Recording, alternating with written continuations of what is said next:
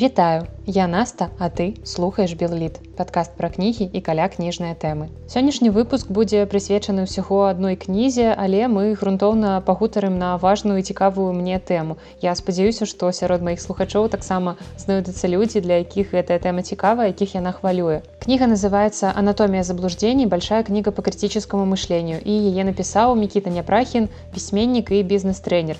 И только ён не той тренер инфо-цыган, які зарабляе грошы па ветрам, бо ў наш час вось гэты занятак бізнес-тренерства яно асацыюецца выключна з людзьмі, якія збіраюць вялікія аўдыторыі. Яны расказваюць вам пра тое, што вы ўсё можете, вы ўсяго дасягнеце, але самі гэтыя людзі нічога не дасягнулі і зарабляюць грошы толькі вось тым, што расказваюць нам, якія мы класныя. І за гэты год я вам ужо распавяла пра пэўную колькасць кніг якія звязаныя з папулярызацыяй навукі з крытычным мысленнем і вось гэтую кнігу якую я сёння буду разглядаць яе варта чытаць у якасці асновы мікіта першаму рассіі напісаў кнігу пра крытычнае мысленне і я скажу вам што гэта даволі важная кніга паколькі яна не проста апісвае самыя папулярныя міфы якія вераць людзі напрыклад астралогія гамеапатыя экстрасэнсы карты таро. І таксама гэтая кніга яна дае чытачам канкрэтныя інструменты для таго каб не купляцца на хітрасці людзей якія пацоўваюць вам нешта кшталту астралогіі. І для таго каб разумець свае чужыя когнітыўныя скажэнні умець аргументаваць свае погляды разважаць лагічна умець правяраць інфармацыю і таксама умець прымаць рашэнні. Я вырашыла спыніцца толькі на адным з аспектаў кнігі на когнітыўных скажэннях. Тут аўтар даволі падрабязана пра іх расказвае. І ўвогуле кніга атрымалася даволі аб'ёмнай але я толькі караценька разгледжу асноўныя групы і скажэнняў якія ў іх уваходзяць І зразумела, я пачну з таго, што патлумачу вам усё ж такі, што гэта за звертыкі, когнітыўнае скажэнне і пад гэтым словазлучэннем хаваюцца памылкі ў нашым мысленні, якія кожны з нас робіць рэгулярна. Я думаю, што існуе ну, нават ці ўвогуле не існуе людзей, якія не робяць гэтыя памылкі, а ёсць людзі, якія разумеюць, што яны іх робяць спрабуюць ад іх пазбавіцца і гэта самае важнае.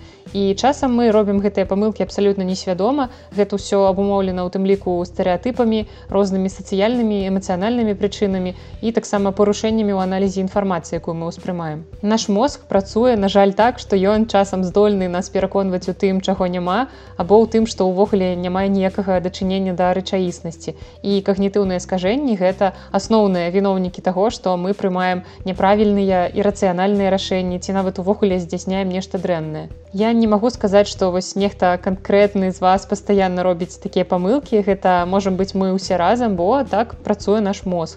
І пасткі ён можа ставіць кожнаму і нават калі вы зараз такія селі і думаеце што ой не ну гэта не пра мяне я вам скажу што гэта і пра вас таксама і ўсё што мы можемм зрабіць у гэтай сітуацыі гэта як мага больш даведацца пра гэтыя когнітыўныя скажэнні.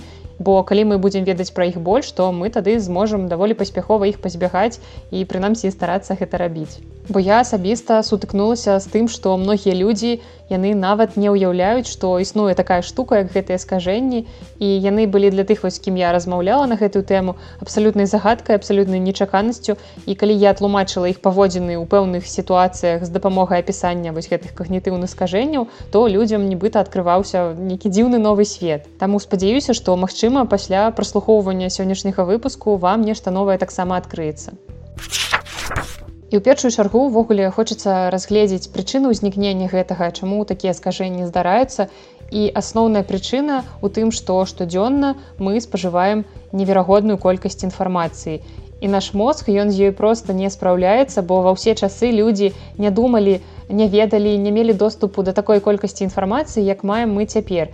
І думаць гэта насамрэч даволі складаны працэс і для спрашчэння гэтага працэсу наш мозг выпрацоўвае мысленчыя шаблоны, якія нам дапамагаюць многія когнітыўныя працэсы рабіць на аўтамаце. Нават людзі, якія думаюць, што яны унікальныя, яны ўсё роўна ніяк не могуць пазбегнуць шаблоннага мыслення, бо яно ў нас закладзена. Бо часам нам трэба пэўныя рашэнні прымаць даволі хутка і гэта зноў жа прычына ўзнікнення когнітыўных скажэнняў. А існуюць людзі, якія ўвогуле самі па сабе ну даволі ляніва яны яны лянуюцца думаць. І людзі у прынцыпе даволі часта схільныя ствараць сваю так званую суб'ектыўную рэальнасць, якая залежыць уласна ад іх успрымання і гэтая суб'ектыўная рэальнасць у прынцыпе вызначае іх паводзіны ў соцыуме. Сам тэрмін когнітыўнае скажэнне быў уведзены ў 1972 годзе псіхолагамі Амосам Тверскі і Даніэлем Канеманам. І дарэчы канеман вам можа быць вядомы сваёй кніга якая ў рускім перакладзе выходзіла под назвай думай медленно решай быстро а ў кнізе анатомія заблуждений мікіта няпрахін разглядае 30 асноўных когнітыўных скажэнняў і сёння мы іх разгледзім таксама Няпрахін выдзяляе чатыры групы скажэнняў. Першая звязаная з тым, што мы пераацэньваем сябе. Другая звязаная з тым, што мы няправільна ацэньваем іншых, таксама пераацэньваем або недаацэньваем і трэцяе выдзяляе скажэнні дзякуючы якім мы прымаем няправільныя рашэнні. І апошняе чацвёртае тлумачыць чаму мы ўвогуле нічога не разумеем. Мы пачнем з першай групы чаму мы сябе пераацэньваем і каб гэта патлумачыць нам трэба разгледзець 5 когнітыўных скажэнняў. Першае скажэнне называется эфект сляпой плямы і калі вы паслухалі ўсё тое што я вось папярэдняе казала і упэўнена сцвярджаеце што вы сябе кантралюеце што вы не маеце ніякіх когнітыўных скажэнняў Я вас віншую, у вас акурат ёсць гэтае першае скажэнне эфект сляпой плямы. Бо мы звяртаем увагу на чужыя памылкі, але абсалютна катэгарычна ігнаруем нават самыя відавочныя свае памылкі. І як той казаў, чужыя грахі перад вачыма, а свае за плячыма. І тут народная мудрасць нам апісвае гэтае скажэнне. Таму калі вы думаеце, што вы стаіце такі ў белым паліто прыгожае, то варта задумацца, ці не выпусцілі вы нешта з-пад увагі. Другое скажэнне гэта эфект несапраўднай сходы. І гэтае скажэнне заключаецца ў тым, што мы праецыруем свой спосаб мыслення на іншых людзей. Гэта абсалютна нармальна, бо мы думаем, што іншыя людзі яны думаюць, адчуваюць тое ж самае, што і мы. І калі ў вас спытаць, што выбірае большасць каву ці гарбату, напрыклад, то я думаю, што вы з вялікай верагоднасцю упэўнена адкажаце свой варыянт. І гэтае скажэнне ўзнікае таму, што наше меркаванне для нас зразумела першаснае, найбольш важнае. Ну, гэта насамрэч добра, калі мы добра пра сябе думаем. І нічога дрэннага ў гэтым няма, але у любой сітуацыі варта памятаць, што ваш выбар можа падабацца далёка не ўсім і мы пераацэньваем універсальнасць сваіх поглядаў. Трэцяе скажэнне называецца эфект трэцяй асобы. Мы часта лічым, што мы надта разумныя, каб, напрыклад, трапляць пад уплыў рэкламы, але пры гэтым упэўненыя, што дакладна ёсць людзі, якія на рэкламу вядуцца. І хто заўгодна гэта можа быць толькі дакладна гэта не мы. І ў гэтым ёсць сутнасць скажэння, такім чынам мы пераацэньваем сябе і недаацэньваем іншых. Чацвёртае скажэнне ў першай групе, дзе мы пераацэньваем сябе гэта скажэнне ва ўспрыманні ўласнага выбару. У рамках гэтага скажэння мы прыпісваем станоўчай якасці прадмету, які мы выбралі або дзеянню, якое мы ажыццявілі. Напрыклад, калі мы выбіраем паміж дзвюма мадэлямі красовак ад розных фірм і калі мы купілі першую, то праз некаторы час яна, напрыклад, можа парвацца. І цікава вось які працэнт людзей у такой сітуацыі падумае, што я, мабыць, зрабіў няправільны выбар, трэба было ўсё ж такі ўзяць мадэль іншай фірмы. І насамрэч гэта даволі нізкі працэнт, бо нам уласціва апраўдваць свой выбар. І такім чынам пасля таго, як мы гэты выбор зрабілі то мы у прынцыпе гатовыя адразу яго абараняць любымі сродкамі не звяртаючы увагі на яго слабыя бакі. Бо потым нам гэта дапаможа адчуваць меншае шкадаванне што мы магчыма зрабілі ўсё ж такі няправільны выбор Такім чынам што калі караценька апісваць гэтае скажэнне то яно заключаецца ў тым што мы ўпэўненыя што калі мы зрабілі выбор то ён дакладна правільны І апошняе пятае скажэнне ў першай групе называецца ілюзія кантролю. Гэта схільнасць людзей верыць у тое, што яны здольныя кантраляваць падзеі, уплываць неяк на іх вынікі, хаця аб'ектыўна гэтыя падзеі ад іх абсалютна не залежаць ці залежаць у нейкай мінімальнай ступені. І дарэчы, ад гэтага скажэння ўзніклі многія забабоны, напрыклад, каб не здарылася нешта дрэннае, што мы прагаварылі, нам трэба тры разы абавязкова пастукаць па дрэве. Гэта абсалютнае глупства, але многім людзям яно дае ўпэўненасць у будучыні упэўненасць што мы кантралюем сітуацыю вось мы пастукалі значыць нічога дрэннага не здарыцца. І гэта ўсё была першая група скажэнняў звязаная з тым што мы сябе няправільна ацэньваем а другая група звязаная з тым што мы няправільна ацэньваем іншых. І ў яе ўваходзяць 8 когнітыўных скажэнняў. Першая называется стэеатыпізацыя Я думаю тут по назве ўсё зразумела. Мы ўсе падуладныя стэеатыпам менавіта стэеатыпы ляжаць у аснове таго што мы няправільна ацэньваем іншых. Напрыклад калі мы абагульняем характарыстыкі пэўнай групы і лічым што гэтыя характарыстыкі ўласцівыя ўсім хто ў яе ўваходзіць. Напрыклад мы лічым што які-небудзь стэеатыпы такія нацыянальныя мы лічым што італьянцы яны даволі эмацыянальныя што яны вельмі рухавыя. І калі мы бачым італьянцы які не падпадае под такі вось стэеатып то мы будзем даволі здзіўленыя можа быть нават будзем лічыць што ён не сапраўдны італьянец. І тут когнітыўнае скажэнне ў тым што нам падаецца нібыта мы ўсіх людзей ацэньваем аб'ектыўна індывідуальна а але даволі часта мы ўсё ж карыстаемся ўнутранымі стэеатыпамі і часам нават не заўважаем гэтага. Другое скажэнне мае цікавую назву наіўны цынізм. І тут вельмі часты прыклад недаацэнкі іншых, калі мы лічым, што чалавек цынічны, эгаістычны, што ён робіць все толькі для ўласнай карысці. І наіўны цынізм праяўляецца тады калі мы чакаем ад іншага чалавека больш эгаістычных паводзін чым ёсць насамрэч. І праз гэтае скажэнне на жаль у чалавека могуць узнікаць вялікія праблемы з даверам. Калі вам падаецца што ўсе навокал хочуць вас падмануць што ўсе бліфуюць іх і так далей.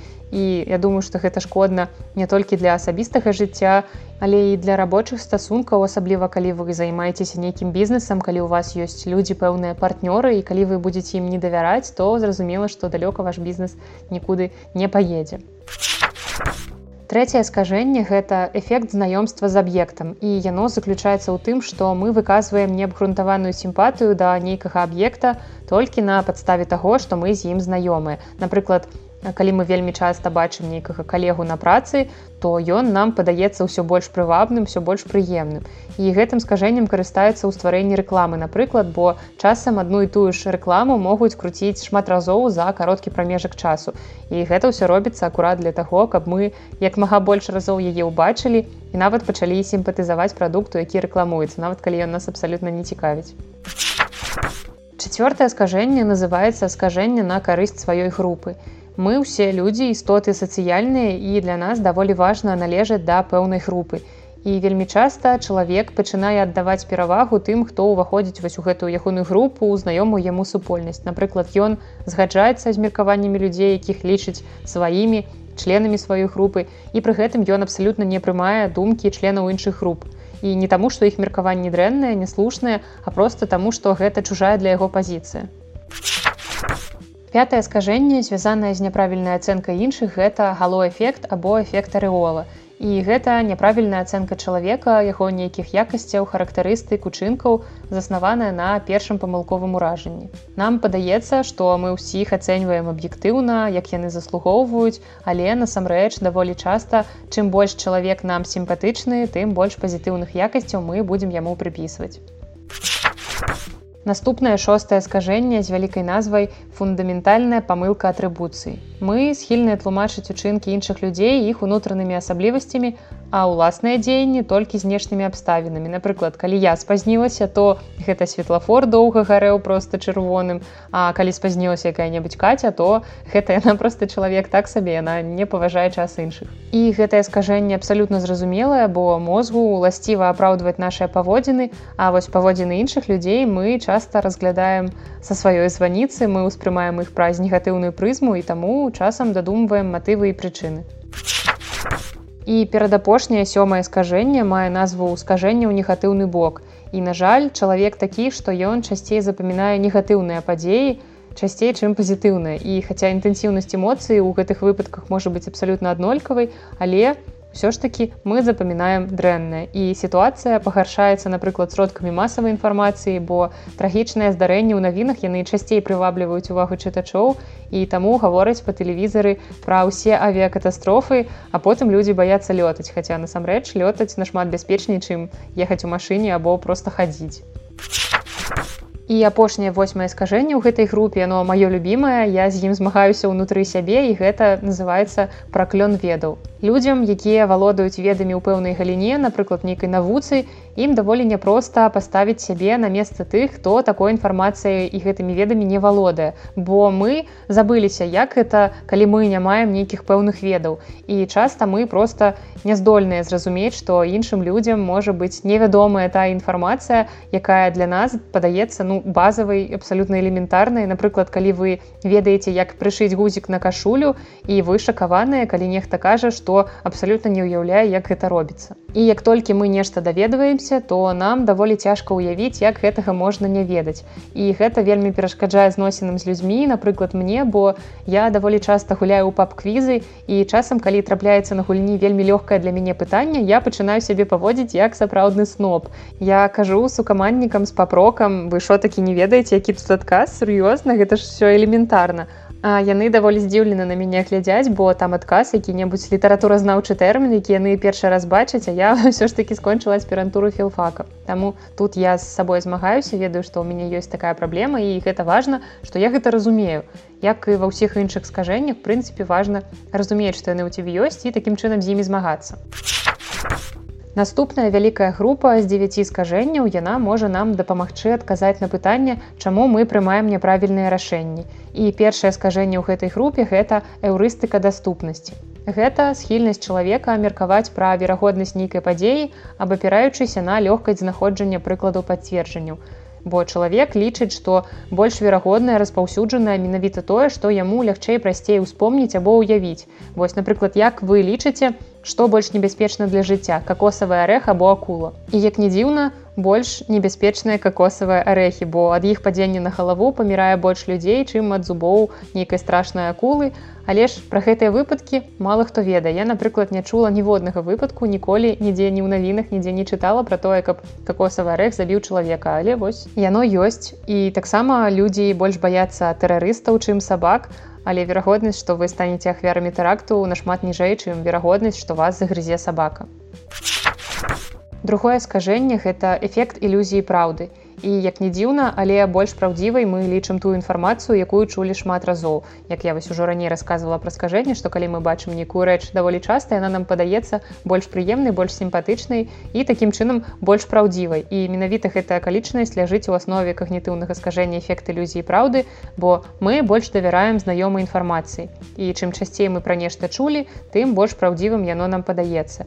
І вось гэты эфект таксама ляжыць у аснове надакучлівай рэкламы бо чым часцей я чую чую пэўны рэкламны слоган то тым больш ён мне падаецца нейкім аксіяматычным. І той же эфект таксама выкарыстоўваецца ў палітыцы падчас выбарчых кампаній і ў прапагандзе.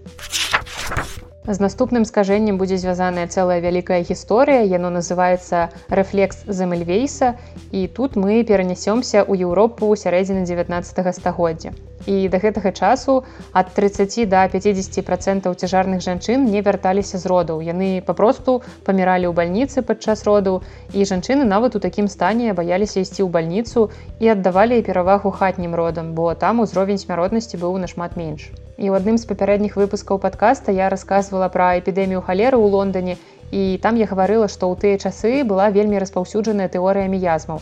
Маўляў у паветры недзе лётаюць такія нябачныя пары яны атручваюць паветра а потым людзі дыхаюць гэтым і паміраюць. І зразумела што у бальніцах шмат памерлых і з целу памерлых гэтыя пары выходзяць і гэта ўсё натуральны працэс гніення і той вось э, замельвейс ігнат замельвейс э, які вынесены ў назву гэтага когнітыўнага скажэння ён быў венскім гінеколагам. Ён вырашыў супаставіць смяротнасць у дзвюх акушэрскіх клініках і ў першай там праходзілі практычныя заняткі лекараў студэнтаў і смяротнасць там была вышэй чым у другой дзе ў другой навучаліся акушэркі. І рэч у тым што ў першай клініцы акрамя гэтых практычных заняткаў таксама лекары займаліся тым што прэпаравалі трупы. І хоць лекары мылі руки але замельвейс ім прапанаваў не проста іх мыць з мылам але яшчэ і дэзінфікаваць хлорнай вадой каб гэты трупны яд зусім знішчыць і з яго тут усе пачалі смяяцца у такое глупства ніхто не паверыў але гэта спрацавала і смяротнасць зменшылася ў сем разоў. Хаця далей усё было на жаль ну не так добра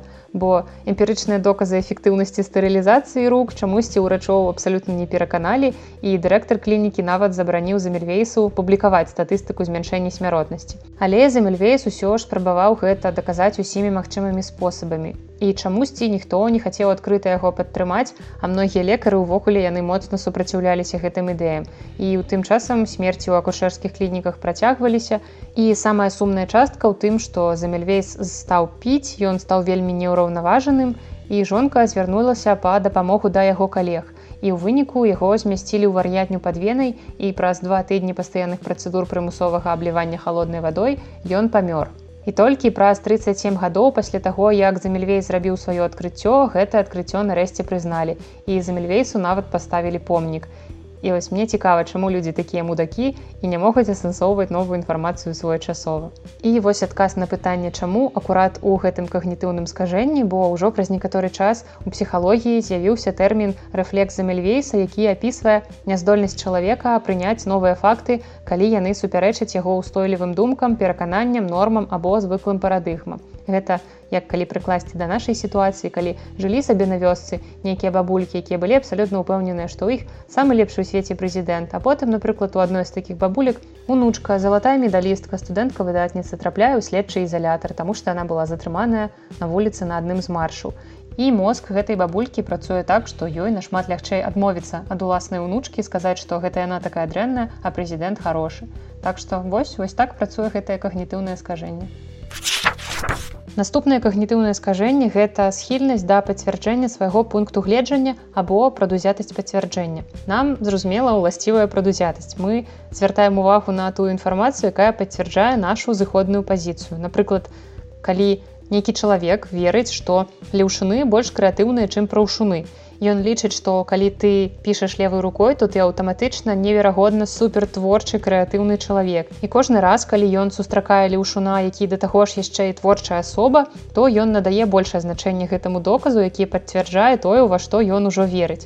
І гэты чалавек можа нават шукаць доказы, якія яшчэ больш пацвярджаюць яго перакананне, але пры гэтым будзе ігнараваць прыклады, якія не падтрымліваюць яго ідэю. Напрыклад, калі ён сустрэне чалавека, які піша левой рукой і абсалютна не творчы, ён будзе ўсё роўна упэўнены ў сваёй думцы і гэта яго не пераканае. Ёсць дзве прычыны, чаму так адбываецца і па-першае, гэта самы хуткі спосаб апрацоўкі інфармацыі. Бо ў нас няма ні часу, ні рэсурсаў, каб аналізаваць абсалютна ўсе бакі нейкай з'явы.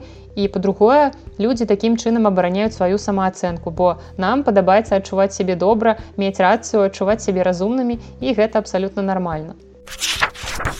Наступнае когнітыўнае скажэнне гэта эфект чакання назіральніка і таксама яго часам называюць эфект эксперыментатара, эфект пігмаліёна і эфект рэзенталя. І гэтае скажэнне заключаецца ў тым, што нашы чаканні здольныя паўплываць на развіццё падзей, нават калі мы гэтага не асэнсоўваем і не заўважаем. Напрыклад, пры правядзенні пэўных эксперыментаў даследчык, які хоча атрымаць нейкі канкрэтны вынік, ён несвядома можа маніпуляваць працэсам эксперыменту або ненаўмысна памыляцца ў інтэрпрэтацыі атрыманых дадзеных, каб вынік ну адпавядаў яго чаканням. Наступнае когнітыўнае скажэнне гэта функцыянальная замацаванасць. І гэта тая штука, якая нам перашкаджае думаць крэатыўна. Бо гэта тэндэнцыя лічыць, што аб'екты здольныя працаваць толькі пэўным вызначаным спосабам. І гэта нам перашкаджае бачыць поўны спектр магчымасцяў іх прымянення. І такая шаблоннасць не дазваляе думаць пра альтэрнатыву выкарыстання пэўных прадметаў бо папярэднія веды якія ў нас сядзяць яны ствараюць гэтую замацаванасць у выніку абцяжарваюць рашэнне новых задач бо мы фокусуем увагу толькі на пэўных аспектах праблемы. І дарэчы цікава што функцыянальную замацаванасць мы атрымліваем толькі з узростам бо ў пяцігадовых дзяцей яе няма таму яны многія задачы вырашаюць вельмі нетрывіяльна бо не зацыкліваюцца на стандартных спосабах. Тэрмін функцыянальная замацаванасць увёў нямецкі псіхолог карл дункер у 1945 годзе. І таксама ён прыдумаў такую задачу якую зараз мы будзем разам з вами вырашаць. Вы маеце свечку пачак запалак і некалькі канцылярскіх кнопак. І вам трэба прымацаваць да вертыкальнай сцяны свечку каб яна атрымалася і гарэла і вось зараз вы можете паставіць выпуск на паузу падумаць я пачакаю як бы вы рашылі гэтую задачу. А рашэнне ў задачы такое. Трэба ўзяць карабок запалак высыпаць яго запалкі і прымацаваць з дапамогай кнопак да сцяны і туды ўжо можна будзе паставіць свечку і яе запаліць. І калі вы не здагадаліся, то не сумуйце, я таксама яе вырашыць адразу так хутка не змагла і ўвогуле ў большасці людзей гэтая задача выклікае цяжкасці. І перш за ўсё таму, што нямногія падумалі пра тое, што карабок можна выкарыстаць у якасці асновы і замацаваць яго да сцяны. Бо для нас карабок гэта проста месца, дзе захоўваюцца запалкі і запалкі тут менавіта ключавыя элементы і гэта ў нашай свядомасці настолькі замацаваныя, што мы ўвогуле з цяжкасцю можам уявіць іншыя магчымасці выкарыстання карабка.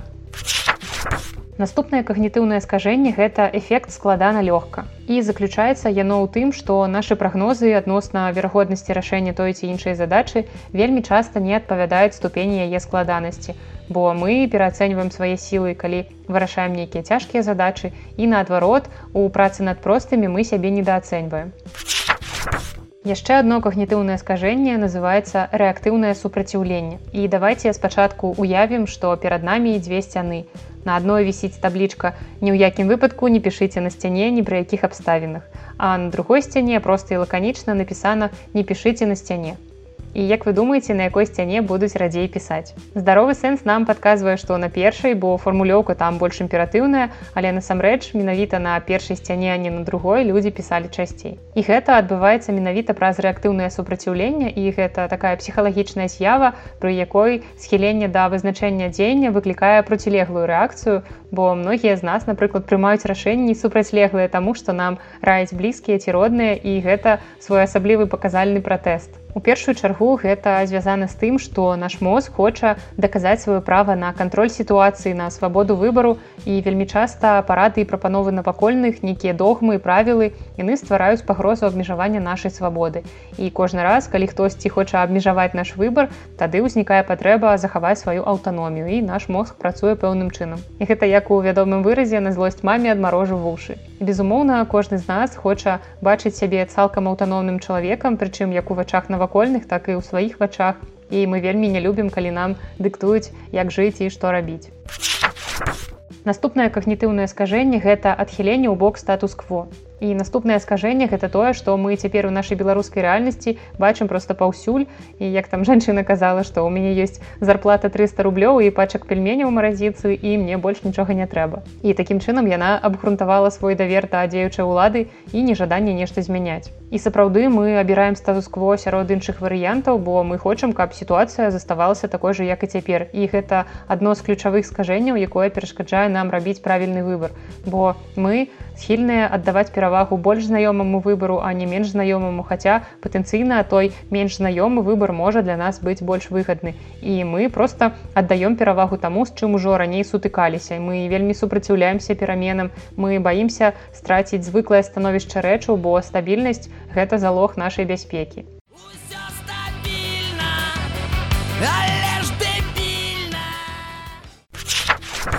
І апошняя чацвёртая вялікая група кагнітыўных скажэнняў тлумачыць, чаму мы нічога не разумеем і ў ёй кагнітыўных скажэнняў 8 штук. І першае гэта эфект зваротнага выніку. І яго сутнасць у тым, што інфармацыя, якая супярэчыць нашым глыбокім перакананням, толькі ўзмацняе ўпэўненасць у нашай праваце і калі мы знаёмімся з новай інфармацыяй якая супярэчыць нашим уяўленням то кожны спрабуе абараніць свае перакананні сваю пазіцыю веру ад знешніх уплываў. І гэта адбываецца інстынктыўна і несвядома бо як толькі мозг сутыкаецца са звесткамі несумяшчальнымі з яго установкамі то старыя перакананні блакуюць новую інфармацыю якая атакуе і б'е па самых уразлівых месцах. І тут ніхто не хоча адчуваць сябе дурнем Напрыклад, калі людзі, якія выступаюць супраць прышчэпак, чытаюць новыя даследаванні, звязаныя з тым, што прышчэпкі няшкодныя, то яны толькі больш упэўніваюцца ў тым, наколькі ўсё супраць іх, наколькі гэта глобальная сусветная змова. Менавіта праз гэтае кагнітыўнае скажэнне немагчыма перамагаць у спрэчках, калі два чалавекі абсалютна ўпэўненыя ў сваіх пазіцыях і будуць іх адстойваць да апошняга, бо ім пляваць на рацыянальны аргумент другога чалавека, яны толькі больш упэўняцца ў сваёй рацыі. Наступнае скажэнне гэта памылка базавага працэнта калі мы сутыкаемся з агульнай інфармацыяй пра частату нейкай падзеі і спецыфічнай інфармацыі пра гэтую падзею то мы здольны ігнараваць першае і фокусавацца на другім. Мы памылкова мяркуем пра верагоднасць сітуацыі не прымаючы да ўвагі ўсе неабходныя дадзены. І многія кампаніі вельмі умела выкарыстоўваюць гэтую памылку у маркетынгавых мэтах. Напрыклад калі вы на прылаўках крамы убачылі упакоўку дзе 6 бутэлек колы і на упакоўцы вельмі вялікім шрыфтам напісана 50 процентов без бесплатно. Вы падумаеце, што ого, цэлыя тры бутэлькі бясплатна, 6 бутэлек па цане трох і насамрэч гэта будзе памылка, таму што вы не ўлічылі больш раннюю перадумову, а ўся справа ў тым, што у арыгінальнай упакоўцы не тры, а чатыры бутэлькі і атрымліваецца, што 50 процентаў ад чатырох гэта дзве бутэлькі і гэта значыць, што з 6 бутэлек толькі дзве бясплатныя і гэта і ёсць 50 процентаў яшчэ одно скажэнне загадкавай назвай канфабуляцыя і перад тым як я пра яго раскажу вы адкажыце на пытанне што сказаў барыс ельцын у сваім развітальным звароце. Першы варыянт я устал я ухожу другі варыянт просто я ухожу і калі вы упэўнены адказалі што першы то віншую вы толькі што на сабе адчулі канфабуляцыю. Гэта ілжывыя ўспаміны у якім факты злучаюцца з выдумкай або перайначанымі фактамі якія былі ў рэчаіснасці і ўся справа ў тым што калі мы нешта ўспамінаем то мозг спрабуе нанова ўзнавіць падзеі. І пры гэтым часта ён карыстаецца інфармацыяй атрыманай да падзей або пасля іх і таксама можа адбывацца запаўненне прабелаў і дадавання лішніх дэталяў які ўвогуле ніякага дачынення да той падзеі не маюць. Насамрэч ельцын сказаў просто я ухожу але другі варыянт больш доўгі непраўдзівы ён актыўна ходзіць па інтэрнэце і таму вы запомнілі яго менавіта такім чынам. Дарэчы калі я раскажу другую назву гэтага эфекту то вы магчыма успомніце што нешта такое недзе чулі. Гэта эфект мандэлы. Гэтая назва з'явілася пасля смерти нельсона мандэлы ў 2013 годзе калі сотні тысяч людзей сталі пісаць у інтэрнэце што яны выдатна памятаюць што мандэла памёр нашмат раней у турме. І яны называлі час гэта канец 80-х гадоў і больш затое многія людзі маглі успомніць яго пахаванне якое-нібыта нават паказвалі па тэлевізары але у рэальнасці вядомы афрыканскі палітык рэвалюцыянер прэзідэнт паўднёва-афрыканскай рэспублікі памёр у сваім доме 5 снежня 2013 года. І дзякуючы гэтай гісторыі стаў відавочным феномен які быў названы імем мандэлы і з 2013 года эфект мандэлы стаў памнажацца назірацца па ўсім свеце ён абрастаў таксама чуткамі плёткамі і з гэтага часу ва ўсіх краінах былі зафіксаваныя выпадкі калі масавыя ўспаміны радыкальна адрозніваліся ад рэальнасці Наступнае кагнітыўнае скажэнне гэта памылка гульца. Яна прымушае нас няправільна ацэньваць свае шансы на поспех, у тым ліку і на выйгрыш. І мы лічым, што калі адзін з альтэрнатыўных заходаў сітуацыі наступае некалькі разоў запар, то верагоднасць іншага варыянту нашмат павышаецца. І калі, напрыклад, у рулетцы чырвоная выпала 10 разоў запар, то мы лічым, што і ў наступны раз таксама мусіць быць чырвоная і насамрэч шанец што выпадзе чырвона ён такі ж самы як і ў першы ў пяты ў десят раз. Гэта ўсё роўна 50 на 50 яшчэ одно кагнітыўнае скажэнне пра якое я думаю вы чулі гэта памылка таго хто выжыў. І на жаль мы вельмі часта карыстаемся няслушнай выбаркай інфармацыі. Напрыклад мы фокусуемся на ўдачах а вось няўдалыя выпадкі мы наадварот у разлік не бяром мы засяроджваемся на вопыце пераможцаў а не тых хто прайграў. І нават калі апошніх все ж таки статыстычна значна больш. І найбольш папулярны прыклад такога скажэння гэта выпадак які адбыўся ў другую сусветную вайну. Венхерскаму матэматыку і статыстыку абрахаму вальду даручылі распрацаваць аптымальную схему браніравання бамбардзіроўшчыкаў. І справа ў тым што значная частка амерыканскіх бамбардзіроўшчыкаў на базу не вярталася пасля баявых вылетаў. І ваеннае камандаванне разумела што трэба ўзмацняць браніраванне. Але рабіць на ўвесь самалёт гэта абсалютна немагчыма тому что тады самалёт просто не ўзляціць і на тых самалётах што вярталіся заставалася мноства прабоін. Дзіркі адкуль і аскепкаў снарадаў былі размеркаваныя вельмі нероўнамерна і больш за ўсё іх было на фюзеляжы і ўздоўж крылаў. Як бы вы напрыклад вырашылі якія часткі самалёта трэба ўмацаваць? У гэтай сітуацыі большасць людзей кажа што менавіта тыя якія былі прабітыя. Але насамрэч гэта не так і вось тут менавіта працуе гэтае скажэнне. Бо ўся рэч у тым што самалёты якія атрымалі прабоіны ў гэтых месцах усё ж таки на базу вярнуцца змаглі. І значыць гэтыя прабоіны паказвалі на моцнае месца бамбардзіроўшчыка і атрымліваецца што умацоўваць дадатковай бранёй трэба было менавіта тыя месцы дзе заставалася менш за ўсё слядоў адкуль і гэтыя месцы яны былі самыя ўражлівыя і так абрахам вальт і зрабіў і ён выратаваў мноства жыццяў пілоту. Наступнае кагнітыўнае скажэнне гэта памылка трапнага стралка Але спачатку я раскажу анекдот, які даў гэтаму скажэнню назву. Нейк па тэхасцкаму мястэчку ішоў генерал і ўбачыў, што на ўсіх варотах была намаляваная мішень і ў кожнай была дзірка ад кулі, прычым у самым цэнтры ўсё як трэба. І тады генерал спытаў мясцовага: « Гэта хто ў вас такі трапны стралок. Гэта руды біл сэр. О гэтаму хлопцу месца ў арміі, прывядзіце яго да мяне. Не сэр, не думаю, што ён вам падыходзіць. Гэта чаму ж? Разумееце, сэр, ён спачатку страляе ў вароты, а толькі потым малюе мішень. Такім чынам гэтае скажэнне абазначае сітуацыю, калі гіпотэза выбудоўваецца фокусуючыся толькі на даных, якія адказваюць нашым чаканням. Гэта прыкладна як спачатку страляць, а потым ужо маляваць мішень. І ў рамках дадзенага скажэння бяруцца толькі падобныя дадзеныя, а адрозныя ад іх ігнаруюцца, што ў выніку прыводзіць да няправільных высноў. Гэта вось як цяпер у наш час браць прадказанні настрадамуса і пачынаць гэтыя прадказанні прымяняць да нейкіх гістарычных падзей, якія ўжо адбыліся. Яшчэ одно когнітыўнае скажэнне называется памылка кан'юнкцыі. Мачыма вы ведаеце слова кан'юнкцыя з пар логікі ва ўніверсітэце і гэта складанае меркаванне у якім два простыя меркаванні аб'яднаныя з дапамогай злучніка і і ёсць когнітыўнае скажэнне якое звязанае з гэтай кан'юнкцыі і заключаецца яно ў тым што мы лічым сумесныя падзеі больш праўдападобнымі чым гэтая ж падзея асобна. І самы вядомы прыклад гэта праблема лінды ёсць лінда ёй 31 год яна не замужам яна вельмі кемлівая за словам у кішэню не палезе і яна скончыла факультэт філасофіі. Калі яна была студэнтка яна шмат разважала пра дыскрымінацыю пра сацыяльную несправядлівасць і таксама удзельнічала ў дэманстрацыях супраць распаўсюджвання ядзернай зброі. І я думаю што вас уже склаўся нейкі вось агульны партрет гэтай жанчыны. І цяпер увага пытанне які з двух варыянтаў больш верагодны? Першы лінда касіру банку і другі лінда касіру банку і актыўная феміністка. І такім чынам памылка кан'юнкцыі ўзнікае калі мы спрабуем вызначыць што больш верагодна.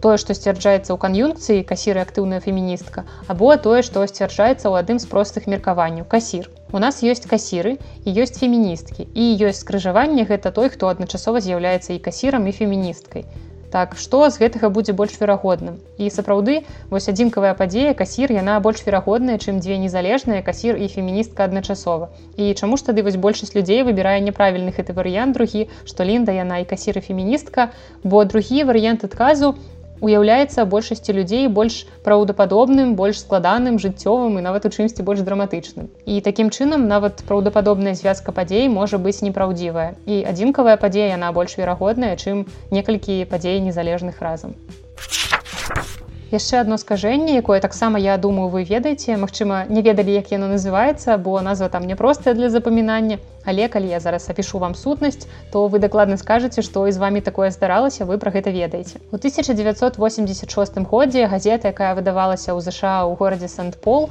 апублікавала гісторыю аднаго чытача. Ён расказаў што на працягу аднаго дня ён некалькі разоў пачуў пра невядомую яму раней банду баадара майнхоф. І гэта заходнегерманская леварадыкальная тэрарыстычная арганізацыя вядомая пад назвай фракцыя чырвонай арміі і чытача гэта вельмі моцна непакоіла турбавала і пазней рэдакцыя газеты стала атрымліваць вялікую колькасць паведамленняў таксама і ад іншых чытачоў якія таксама распавядалі што як не дзіўна апошнім часам вельмі часта сустракалі гэтую назву і гэта іх таксама вельмі палохае. Вось чаму наступнае кагнітыўнае скажэнне атрымала такую дзіўную назву феномен баадера майнхоф А заключаецца яно ў наступным. Чалавек які даведаўся пра існаванне нейкай новай цікавай для яго з'явы паняцця падзеі ён пачынае як яму здаецца паўсюль натыкацца на згадкі пра яго. І тут усе справа ў тым што калі мы даведаемся нешта новае або важнае для нас то свядомасць пачынае сачыць за любой інфармацыяй пра гэта. Мы на ёй канцэнтруем усю сваю ўвагу і як следства мы адзначаем любую згадку таких вось адпаведных звестак. Хаця раней мы ўвогуле маглі на гэта не звярнуць увагу. І да таго ж кожная наступная згадка яшчэ больш замацоўвае упэўненасць у тым што гэтае новае паўсюль што яно літаральна пераследуе нас. І менавіта таму другая назва гэтага скажэння гэта ілюзія частотнасці. Зноў жа я тут вярнуся да гісторыі што я часта гуляю пап квізы бо калі я даведалася нешта новае на квізе калі там быў адказ на пэўнае пытанне там нейкая рэалія якую я абсалютна не ведала. І потым я прыходжу дадому і пачынаю паўсюль у Ютубе у кнігах у паведамленнях там не веду у твітары дзе заўгодна я пачынаю паўсюль сустракаць гэтую інфармацыю і мне адразу становіцца сумна што вось калі б я звяртала увагу на яе раней то магчыма я б на пытанне на гульне адказала казала. І я думаю, што вы ўжо стаміліся, бо нават я ўжо стамілася гаварыць і тут даволі шмат інфармацыі, яе ўсю адразу зразумела не запомніш. Таму я вельмі раю вам звярнуць увагу на гэтую кнігу анатомія заблуждзеній і там пра кожнае скажэнне можна пачытаць вельмі разгорнута з мноствам прыкладаў і я вось толькі караценька па іх прабеглася.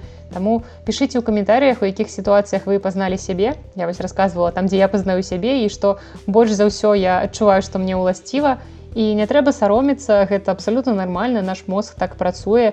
І калі вы ўсё яшчэ думаеце што ніводнае з когнітыўных скажэнняў вам не ўласціва то гэта выдатны момант каб яшчэ раз нагадаць вам пра тое з чаго мы пачыналі пра эфект ляпой плямы. Таму давайте просто яшчэ раз шчыра прызнаемся сабе што мы ўсе схільныя да кагнітыўных скажэнняў і нават мацней чым мы думаем.